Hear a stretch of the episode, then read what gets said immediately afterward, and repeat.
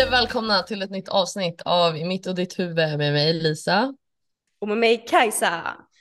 Alltså äntligen, det känns som att det var så länge sedan som vi satt och spelade in här. Eh, nu är det lite vet. svårare för vi kanske inte har sagt det men vi är ju inte direkt i samma tidszon längre eller? Det är ju så här Nej, vi är nio, nio timmar. timmar. Ja. Mm. Så Inte jag världens själv, enklaste att få ihop. nej jag är ju liksom på Mallorca och klockan är 20 över 8 på kvällen, sitter på golvet mitt i eh, ja, hotellkorridoren här.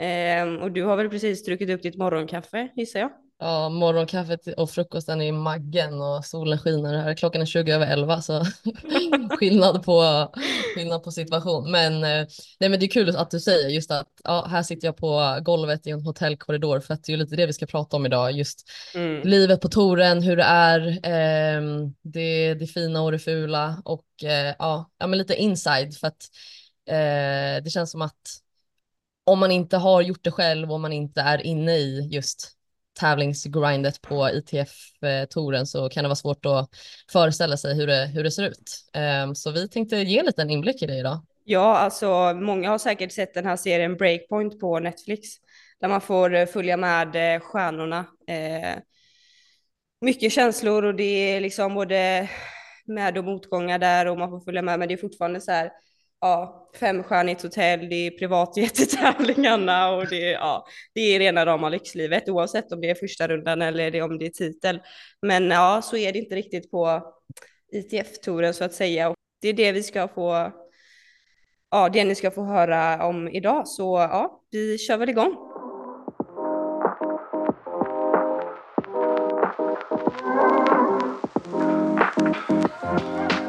Ja, det är ju som du säger, det är lite annat. Det är inte lyx, lyxlivet alla gånger på de här tävlingarna. Eh, och jag tror hur man approachar tävlingslivet och liksom livet på touren eh, är väldigt individuellt. Alltså jag kommer ihåg typ från juniortiden när jag spelade, det var fokus, okej, fokuset är alltid på tennisen, men det var liksom till en grad där det var så här, jag tog det så himla seriöst att det var så här, nej, jag kan inte, jag vill inte gå ut och se staden riktigt för att då kommer jag bli trött i benen och då kommer jag bli trött inför morgondagens match.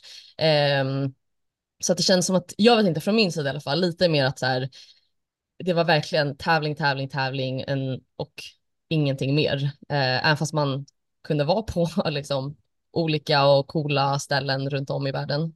Jag vet inte hur det var för dig. Jo, jag känner igen det där jättemycket. Framförallt då från eh, juniortiden. Och, jag vet inte om det är för att det var, jag ska inte säga att det var enklare på juniortiden, men jämför man med liksom nu, seniortouren, eh, proffstouren, det är liksom, det börjar bli riktigt, ja men alla är här av samma anledning, det är liksom ingen lekstuga längre.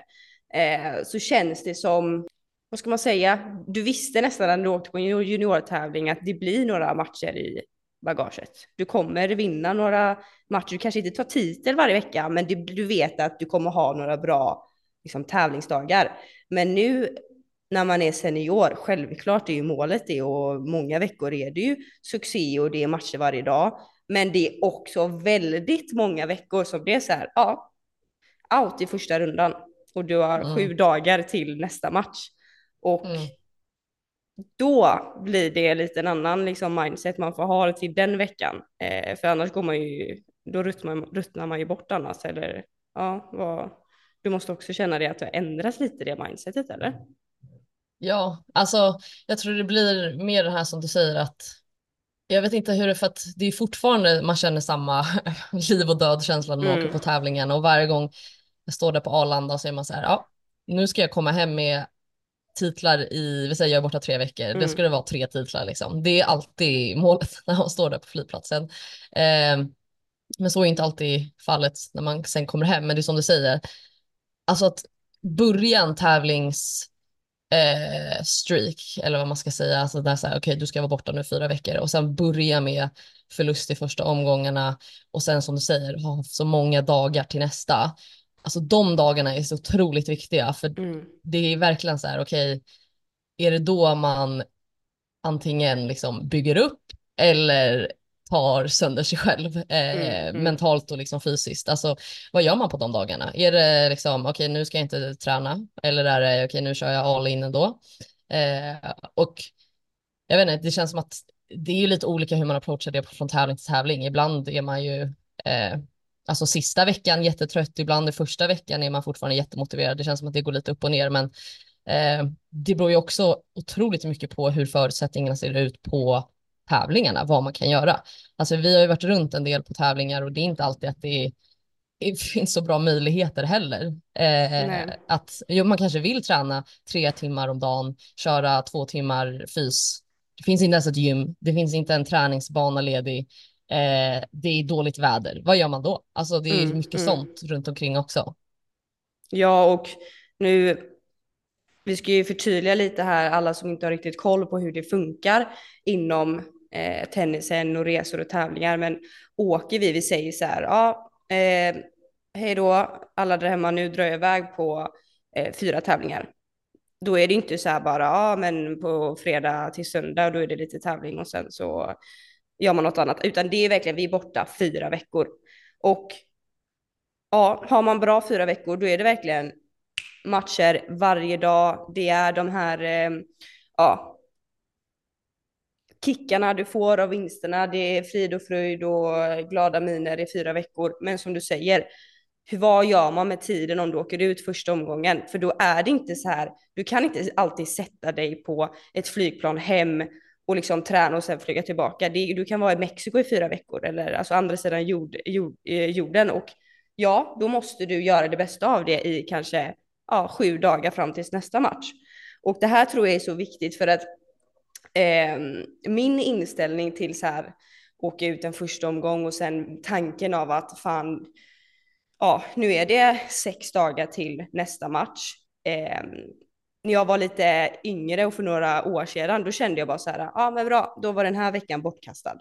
Den är helt betydelselös för mig för jag har inte samlat en enda poäng. Eh, prispengarna finns inte där. Eh, ja, men lite så, bara så här, den här veckan är skit för att jag åkte ut första rundan. Men ja, jag tror ju äldre man har blivit och liksom förstått att allt handlar ju inte varje, vecka. självklart kommer du inte vinna titlar varje vecka, utan det är ju en process. Det är en, eh, ja, en resa där du ska bli bättre och utveckla dig själv som spelare, som person och så vidare och så vidare. Så ja, vad gör en vecka värd eller vad, vad blir den... hur, hur gör man en vecka till liksom att den räknas i, till, till min resa till att bli en bättre tennisspelare?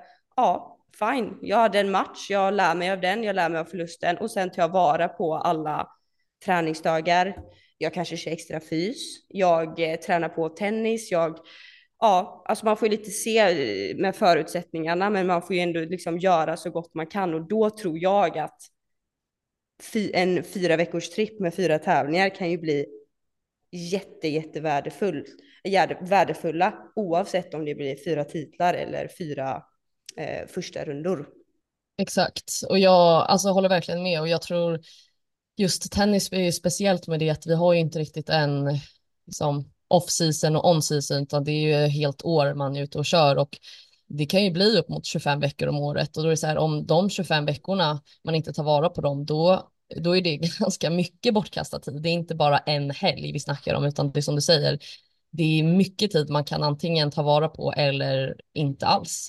Eh, så jag tror också att så här, man får ha lite det mindset att så här, de här tävlingarna är också träningsmöjligheter, det är lärdomsmöjligheter, det är inte bara poäng, vinna poängmöjligheter. Eh, och sen så det man också får komma ihåg att när man är ute på de här tävlingarna så är det ju också andra spelare. Helt plötsligt så har du många fler eh, sparringpartners kanske Exakt. som man kan spela mm. med. Eh, det finns andra motiverade, eh, hungriga spelare som du sa innan. Alla är här för att vinna och alla eh, är här för att göra bra ifrån sig. Så att du har ju också den aspekten att så här, du kan få träna med personer du inte gör. Du kan helt plötsligt kanske spela poäng ehm, med eh, med spelare som du normalt sett inte kan. Eh, så att alltså inställningen till när man åker på veckorna gör ju så mycket verkligen. Alltså om man är så här, okej, okay, ja, nu har jag förlorat, men nu ska jag jobba på det här och här som du säger. då kan man ju verkligen ta vara på, eh, ta vara på veckorna man ligger ute. Mm, verkligen, och det är väl bara ett, eh, ja men, eh, kanske en liten påminnelse eller tips till alla som, eh, ja men framförallt tennisspelare som är ute på tävlingar, åker på långa resor, så tänker man bara, nej men gud, måtte jag nu komma hem med titlar eller att jag har tagit så här många poäng eller vad det nu är.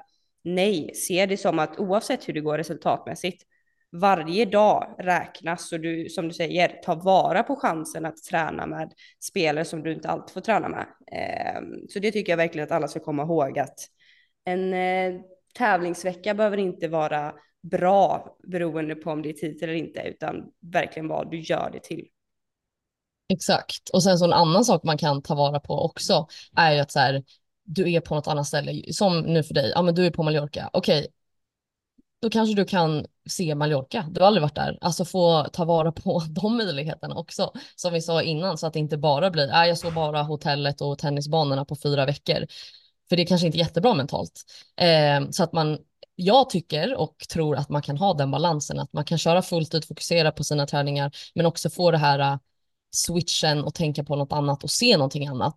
För att jag tänker i alla fall, när jag ser tillbaka på min karriär så vill jag ändå känna att så här, oh shit vad jag såg mycket och jag verkligen tog vara på möjligheterna jag har att få resa och få se mm. olika ställen, träffa olika människor eh, och inte ta det för givet heller. Eh, och sen så är det inte alltid som vi snackade om lyxresorter och fina ställen, men det betyder inte att man inte kan uppleva saker, utan det kan helt enkelt vara som när vi har varit på tävling. Ja, men vi gick till en liten butik, en liten tjeckisk butik i en förort. Alltså bara sådana saker mm. och skapa lite minnen utanför tennisen tror jag kan vara jättenyttigt också.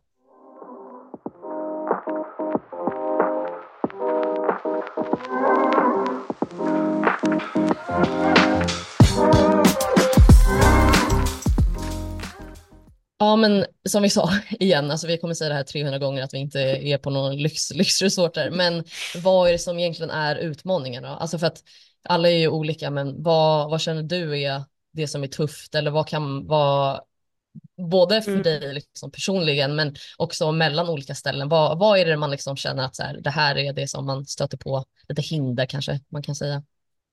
Ja, men precis. Eh, oftast har vi det såklart eh, väldigt bra under de här tävlingarna vi bor, även som sagt inte five star hotell, men det är ändå, vi har det liksom eh, bra runt omkring oss. Eh, det jag kan känna en lite extra stress över när jag är på tävling, vilket jag, jag får alltid den känslan när jag sätter mig på flyget, det är den här, jag vet inte hur träningsmöjligheterna kommer vara. Eh, jag vet inte, är det så här jag ska gå upp fem på morgonen för att få en bana vid sex liksom?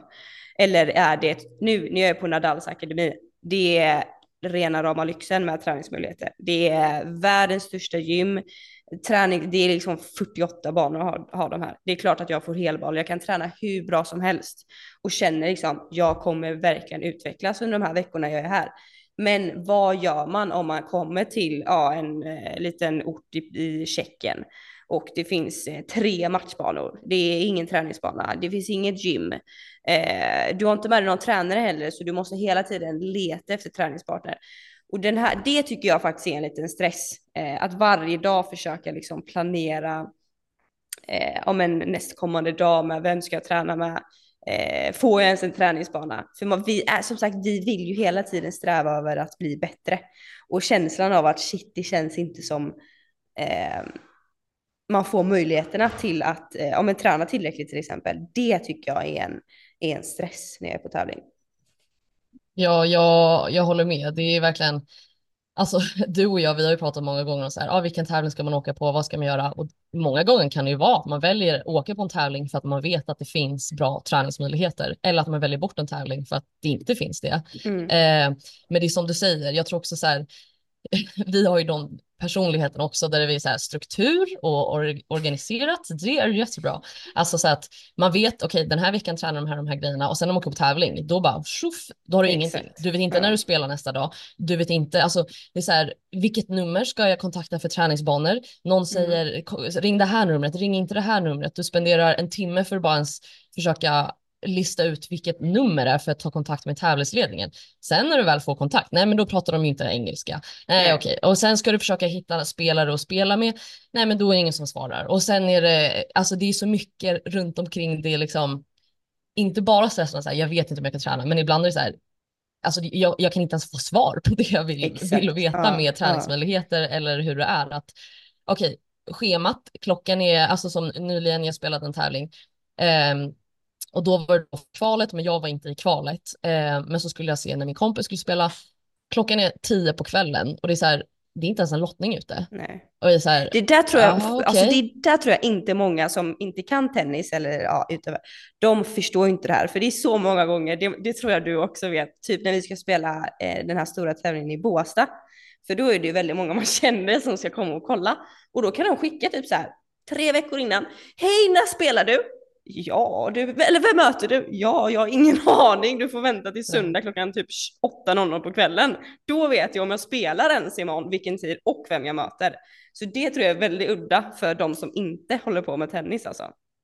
Ja, gud ja. Och alltså, det är ändå sjukt när man tänker på att så här, okay, klockan 10 dagen innan så vet du inte om du ska spela dagen efter eller inte. Och sen mm. då när det väl kommer ut, ja men då måste du organisera själv din inbollning, din uppvärmning, din träning, allt sånt. Det är ingen som liksom gör det åt dig. Eh, och om du är för sen med det, om du inte fixar det inom närmsta timmen, sorry, då finns det ett, ingen att spela med, två, inga banor att spela på mm. heller. Eh, det är verkligen som du säger, folk som inte är inne i tävlingslivet, varje gång man erbjuder dem så här, okej, okay, när spelar du imorgon? Och jag, nej, jag vet inte. Nej, men vänta, klockan är åtta, hur kan du inte veta? Mm. Nej, så är det ibland för oss.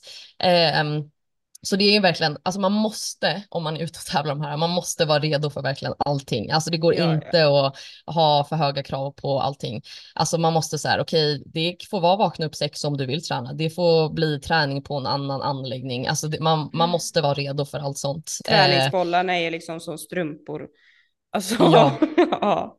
Nej men det kan Gud, vara, och det, och det är verkligen så här, självklart vissa veckor då är det ju drömmen. Alltså då är det så här, då har man ingen stress. Exakt. Då är det bara, ja, allt är under kontroll. Men det är verkligen de här veckorna när allt möjligt kan hända. Det här är också intressant. För många tävlingar går ju ut, utomhus. Ja, vad gör man om det regnar fem dagar i rad? Det finns inte någon inomhusbana du får inte träna på fem dagar, men den sjätte dagen, där på torsdagen, då ska du in och spela. Hur förbereder man sig inför en, en sån match? Det är inte så här att du bara, nej, jag måste träna innan. Det är bara att gilla läget, gå in, du har inte slagit på en boll på fem dagar. De där fem dagarna innan det har regnat, du måste liksom, ja, då får du göra, då får du gå ut och springa, då får du stå och luftslå på parkeringen. Jag vet inte, men ja, be prepared for allt, alltså säger jag bara. Ja, gud ja. Och det man som, som vi pratar om också, att så här, det finns ju olika nivåer på de här tävlingarna. Att så här, desto högre nivå du spelar, desto, det brukar ju vara det, ju högre du spelar, desto bättre eh, ja, men, vad ska man säga, allt runt omkring boende och, liksom, och bli omhändertagen är mycket bättre. Mm. Men även om det är lägre nivåer så skiljer sig otroligt mycket mellan tävlingarna i sig. Alltså vi kan spela, om vi säger då en 25 000 eller 35 000 nu vad det heter i nya systemet, så kan det skilja alltså verkligen dag och natt mellan dem beroende på hur den tävlingen väljer att organisera det, vad det finns för support, för alltså pengar inblandade. Eh, jag har ju varit på alltså lägre tävlingar nivåmässigt, men att det är bättre, eh, ja, men bättre omhändertaget runt omkring tävlingen än vad det är på en kanske tre gånger så egentligen bättre nivåmässig tävling. Eh, så att det är också en sak som är så här, bara för att man tänker att så här, men nu kommer jag upp på högre nivå, jag har bättre ranking så blir det bättre tävlingar. Ja, till viss del, men det behöver inte alltid vara fallet. Eh, men till exempel som eh, just nivåmässigt, det spelar stor roll som du säger med de här strumporna till träningsbollar. att okej, okay, först och främst att ens kunna få tävlingsbollar, det är liksom det är som fighter de där träningsbollarna och de är så sletna. Det är, det är absolut inga nya bollar man får spela med och det är inte hög kvalitet. Sen om du kommer upp några nivåer på tävlingen, om du kanske spelar en 60 000 eller något sånt där, ja, men då får du nya bollar till varje träningspass. Och då ja, helt ja. plötsligt så känner man massa så här, Alltså den lilla, den lilla detaljen gör att man känner att så här, det här, det här, är, det här är guld. Alltså det, man blir så skadad för som man har, man, som du säger, man förbereder sig på verkligen det värsta. Eh, så det är också intressant just så här, vad, vad man får. Att så här, ja men eh, boende eller så oj det finns transport mellan Exakt. anläggningen och hotellet eller från flygplatsen till och med. Då är man så här, nej men det är så lyxigt så att det inte finns liksom. Oh. Um, men det som säger det där med regn, eh, det är ju en, en, stor, en, st en stor del. Jag var i Turkiet på flera tävlingar där det har regnat och då var det verkligen så här fem dagar regn där eh, där det inte var några träningsmöjligheter alls. De cancellerade tävlingen i kvartsfinal eh, för att det regnade så mycket så de kunde inte fullfölja eh, tävlingen. De cancellerade dubbel från första omgången. Eh, där verkligen var reda på allt. Jag själv då eh, skulle spela ehm, semifinal, men då flyttar de från eh, hardcourt-underlaget som vi spelar på till att vi ska spela semifinalen på grus. Eh, bara en sån sak sjukt. att Alltså det där är ja, så där, så där kommer jag då med mina sletna hardcourt-skor och gled runt som en liten Bambi på halis eh, på grus, grustävlingen. Eh, men ja, man får, vara, man får vara beredd på allting. Eller som ja. sist i Turkiet, det är blixtrar och det är åska, det är storm och det är regn. Men cancellera matcherna? Nej, nej, nej vi spelar igenom det. Stolar flyger hit och dit och det är paraplyer som flyger in på banan. Eh, alltså jag har aldrig varit med om så dåligt väder, men tävlingen spelas ändå. Alltså det var verkligen helt roligt. Det var nästan hagel och vi spelar. Du vet, man ser blixtrarna och jag är så här, ja, det här kommer nog bli min sista match för blixten kommer slå ner snart. Alltså det är verkligen. Alltså ja. då undrar man ju vad är det för sport man har valt faktiskt. ja, där står man och bara, ja, vecka in och vecka ut på de här Nej men det, det, alltså det, det, man får ha lite så här att man får skratta åt det istället för ja, ja. att bli för seriöst åt det. Alltså istället för att stå där och så här, det här är så sjukt att så här, okej. Okay. Det är ju som, det är som grejen med tennis, det är ju samma för alla. Alltså ja. det regnar och det blixtrar men det är exakt samma för min motspelare så att egentligen gör det ingen skillnad. Eh, och träningsbollarna, ja, om du vill lägga dina pengar på att köpa träningsbollar, okej, okay, men annars är det ju samma för alla också där. Exakt. Eh, så att det blir vad man gör till verkligen. Snyggt.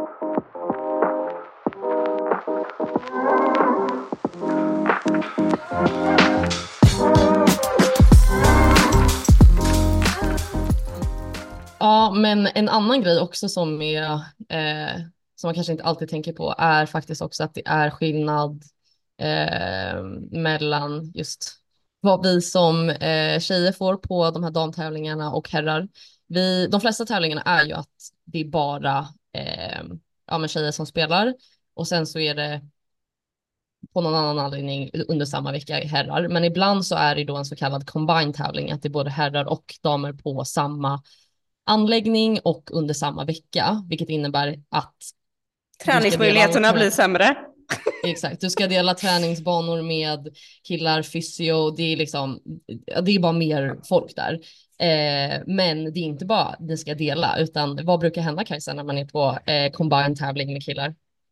Ja, alltså nu ska man inte låta för bitter här va, men eh, alltså det är ju om det är så här tjejer och killar som spelar samtidigt och det finns så kallad centercourt eller bättre banor än andra, då får ju killarna alltid spela på de eh, bästa banorna. Alltså det är så dumma ursäkter. Jag orkar inte ens dra, dra upp alla de här ursäkterna man får höra. Men det är alltid så. Alltså okej okay, om det var så här, ja ah, men just den här tävlingen var det så. Det är alltid så. Alltid. Ja. Och ja. det är inte heller att det är så här, ah, deras är en ATP 500 och våran är 15 000, vilket man kanske förstår då, utan det är, ja. det är samma nivå, om inte ens att tjejerna ser högre ibland. Ja, och sen är det verkligen som du säger, under en hel vecka, alltid de bästa banorna eller bättre tiderna eh, får herrarna spela på. Medan vi, som till exempel när vi var i Schweiz, då spelar vi på ja. banorna längst, längst bort. Jag tror inte en enda Det är inte ens på anläggningen. På jag tror inte ens det var en enda killmatch nej, under nej. de veckorna på den, ja. eller på den, de två banorna. Och då var det ju typ så här, sex banor eh, och då är det fem, fyra banor som är på anläggningen. Alla har livestream, alltså en kamera på sin bana. Sen har vi det två, bana fem och sex som är till och med, alltså den är, de är ju i skogen typ utan livestream. Och där fick man ju köra sina matcher alltså. Ja, där fick man grinda på. Ja. Men ja, men vi, vi är inte bittra över det här. nej, nej. nej. alltså, det, Vit vecka. Nej men som du säger, det är liksom så här, okej okay, vilken bana man spelar på egentligen i slutändan, det spelar inte så stor roll, men det är som du säger, när det blir verkligen det här mönstret att så här, okej, okay, på varje tävling så är det så här, ja. eller typ som en sån liten sak så här, juniortävlingar, när det är så här, ja, killarna, de vinner en iPhone var på killtävlingen, tjejerna, ja, ni får en blombukett. Alltså det är så här, va? Alltså det här är, det här är speaking of liksom real experience. Ja, det, där, det är ju det är helt eh, sjukt faktiskt. Nej, men det var verkligen så. Eh, och då känner man mest så här, ja, ja okej. Okay. Tack som fan eh, för den här blomman.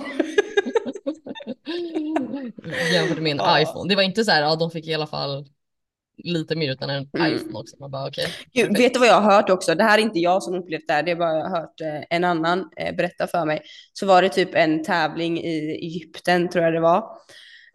Um, och så var det ju en träningsbana, då var det också combined event med eh, då både tjejer och killar.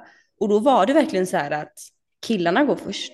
Killarna får boka banan först. Nej, nej, nej, nej. Och står det två killar på banan, för oftast är det så här att man får vara fyra på banan, oavsett om det är så här två plus eh, två killar plus två tjejer, alltså mm. du får vara fyra. Nej, nej, nej, står det två killar på banan då får inte tjejerna gå in för att killar får inte dela med tjejerna. Så de hade alltid prioritet, men tjejerna kunde ju stå fyra på banan och liksom fick först vänta på att killarna skulle boka och sen fick de. Det är ju faktiskt helt sjukt. Ja. Alltså det är det sjukaste jag har hört.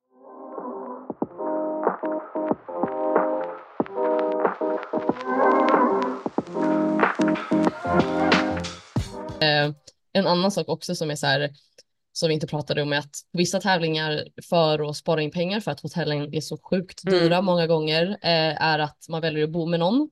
Eh, och då kan det vara någon man aldrig har träffat förut, man har ingen aning vem de är utan man bara kommer överens om att vi bor så vi delar kostnaden så att det blir lite billigare. Eh, men it turns out they are psycho. Ja.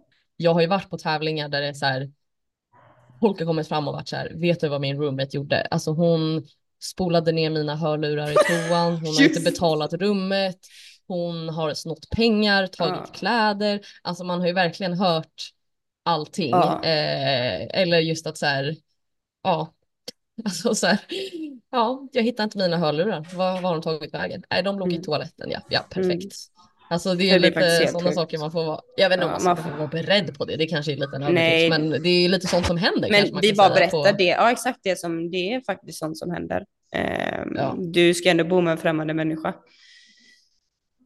Ja, och sen så, det är ju mycket också liksom att så här, alltså jag har också haft hyfsat okej tror jag med så här, standarden på boende och liksom det är inte varit, där har man ju också hört mycket stories just så här kackerlackor som springer mm. eller det liksom finns ingen mat.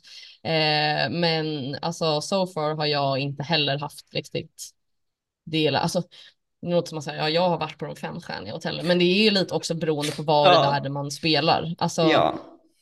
Det är klart att det kommer komma väljer. en kackerlacka i, eh, i Prag liksom, eller? Det gör det väl ja. inte? Man vet aldrig, bara för att vi var där. ja. Nej, men ehm, eh, jag vet inte, vad, vad, vad är lite bästa och sämsta ställen du har varit på då? Ja, alltså det som jag alltid tänker på när någon frågar mig något sånt här, det är ju Alltså jag tror nästan det är första gången jag åker liksom själv så på en tävling. Jag är nog bara kanske 12-13 år. Eh, och då är det lag-EM, så det är jag plus två andra tjejer eh, och en tränare. Och vi ska åka till Onesti i Rumänien. Eh, och det är ju verkligen, jag är ju, jag är ju chockad och jag tror det också var för att man, jag var inte liksom så resevan. Jag, jag hade liksom inte sett mycket eh, i Europa och i världen och vi kommer ju och bor i någon skrutten lägenhet som typ inte går att låsa dörren på och det går eh, lösa hundar utanför och eh, det är knappt någon mat som serveras. Nej men du vet man var vad, vad är det här? Alltså man är inte van med det, man var inte förberedd överhuvudtaget, man bara var van att bo hemma. Och, eh, men något det sjukaste som, då, jag tror jag är 18 år eller så, jag och pappa var i en tävling i Casablanca i Marocko. Och då var det inget fel på organisationen eller tävlingen, hotellet var jättebra, men när vi går så här ute på gatan eh, så bara är det en man som tar upp en kniv som alltså, följer efter oss. Nej men jag kan inte skratta nu men ja, så följer efter oss liksom hela vägen till tennisen och det, då var man ju liksom skitskraj och tänkte vad är det vi har hamnat någonstans? Och sen samma kväll på hotellet så utanför receptionen så, så är det en man som är så fruktansvärt arg och liksom tar upp en flaggstång och ja, men, kastar den över bilar, alltså bilar på parkeringen och vi tennis, så tänkte liksom official hotell här, tennisspelare som bor på det här hotellet och går varje dag till tennisen. Vi har ju ingen aning om vad som händer, men det är klart att man är livrädd. Alltså jag var ju skitskraj resten av den veckan. Eh, så det, ja, det är liksom inget man hade valt så eh, när man åkte på den här tävlingen. Men det är något man fick uppleva som man aldrig kommer glömma i alla fall. Jag vet inte om du har något annat Nej men det är som du säger också så skillnaden att så här, ibland är det att hotellet kanske inte är jättebra men organisationen och trä, alltså, träningsanläggningen är jättebra. Eller att eh, ja, men tvärtom. Alltså hotellet jättebra men tennisen är riktigt kast och liksom hur de har organiserat eller du vet, det finns inte träningsmöjligheter. Men alltså det har aldrig varit så riktigt illa men det, det, alltså det är verkligen vad man gör det till också. Alltså jag var på en tävling i Finland och det är verkligen mitt ute i ingenstans. Alltså du vet tävlingsanläggningen, det är ett, en liten så här bod. Mm. Där har de en toalett, det finns ingen omklädningsrum, det är knappt rinnande vatten du vet. Mm. Um, och det är verkligen så här, jag kommer ihåg innan jag skulle åka dit och försöka hitta boende, då fanns det ett officiellt hotell, helt fullt. Sen finns det liksom, alltså nästan ingenting annat. Och det är så här, antingen får du då bo i en annan stad då måste du ta dig med bil eller buss, vilket var ganska lång tid. Så då är det så här, okej, okay, det finns nästan ingenstans att bo. Så till slut då så hittar jag och hon jag reste med, vi hittar en liten stuga ute liksom ingenstans. Så där vi då ska bo med. Eh, och det var ganska stor stuga så vi lyckas bo med eh, en annan eh, tennisspelare och hennes pojkvän. Eh, och det var så här, en halvtimme att gå till banorna mitt ute i ingenstans i skogen, vilket vi första dagarna var så här, ja, vi, det är det här för att göra. Och sen lyckas någon från tävlingen, eh, ja men fixa skjuts till oss och så här. Men det var verkligen så här, okej, okay, vi, alltså jag kommer ihåg, vi bara, vi kan inte låsa dörrarna, vi kan inte göra någonting. Mm. Och man får lite så här, man är ute i skogen, du vet, och så blir man så här, ja okej, vi bor med några vi aldrig vet vilka, eller ja. vi har aldrig pratat med innan. Um, och det var bara, det var verkligen så här, det här är, men det här är det, liksom livet. så långt ifrån, ni har aldrig varit där och så långt ifrån ja, men verkligheten och tävlingar och någon som typ kan hjälpa er om någonting händer. Exakt. Ja. Men igen, det blev typ en av de roligaste tävlingarna för att mm. jag var med en väldigt nära kompis, vi bodde där. Eh, det blir en upplevelse. Alltså så här, där kan man ju då välja att så här, nej jag skiter i det här, jag tankar, jag vill åka hem för det här är ett jättedåligt ställe. Eller ja men igen göra till vad det blir att så här ja mm. då får vi sitta här i skogen och äta våra blåbär liksom. Nej men alltså lite så. ja. Um, men jag tänker mer också så här alltså som igen som jag berättade där Turkiet där är det mer så här man får man, man får vänja sig vid eh, att det inte är bra kvaliteter med så här träningsbollar alltså ingen liksom de, de bryr sig inte om dig som spelare på något sätt. Utan där är liksom, din business att säga, vi vill kanske tjäna pengar. Eh, vilket man märker rätt tydligt skillnaden på tävlingar. om det är så här, de är villiga att hjälpa, de är verkligen så här, ja, men vi, vi finns här, vi kan göra saker som egentligen inte vi menar att göra. Vi ska egentligen inte hämta en från någon det här, men det kan vi ställa upp och göra. Eller om det verkligen är så här, nej, ni kan inte få någonting, vi kan inte göra någonting. Eh, man får helt enkelt spela i liksom blixt och väder och allt sånt där.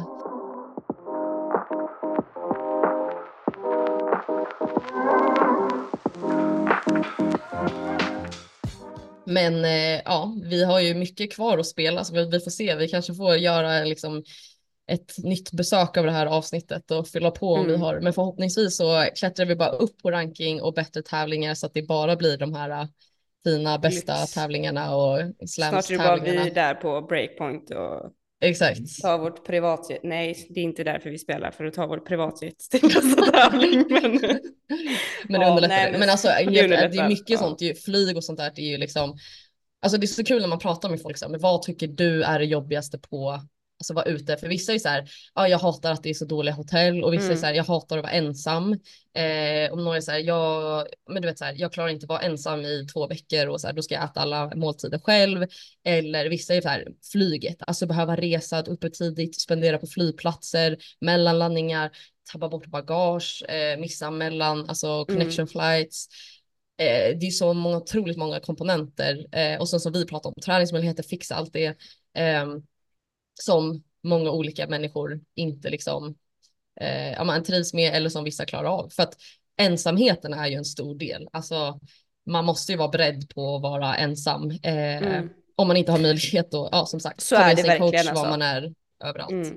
Alltså du måste gilla läget och vara ensam. Det är klart att man, eh, det finns, alla är olika och många vill umgås eh, mer med andra människor och andra vill gillar att vara själv och så vidare. Men som tennisspelare, alltså så här, om vi fick välja, det är klart att vi gärna hade åkt på samma tävling eh, ja, men nästan varje vecka. För det är klart att det är gött att ha med sig en kompis eller de andra i, eh, svenskorna i, i samma nivå.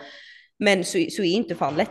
Eh, man prioriterar ju vad man själv liksom, ja jag kanske vill spela en tävling i, i Europa här på grus medan någon annan vill spela inomhus på hardcourt någon annanstans liksom.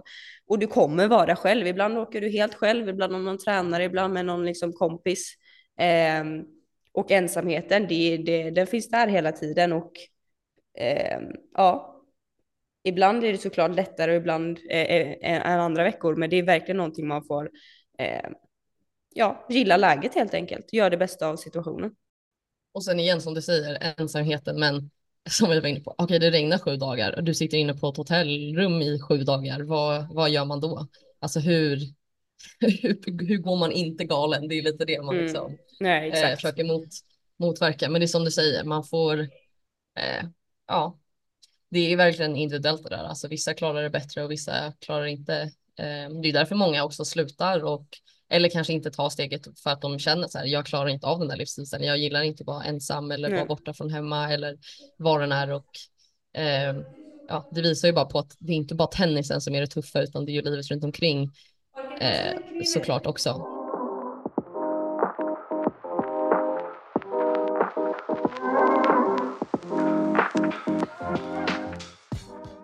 Ja, det finns eh, rätt mycket att snacka om när det kommer till Life on Tour kan jag säga.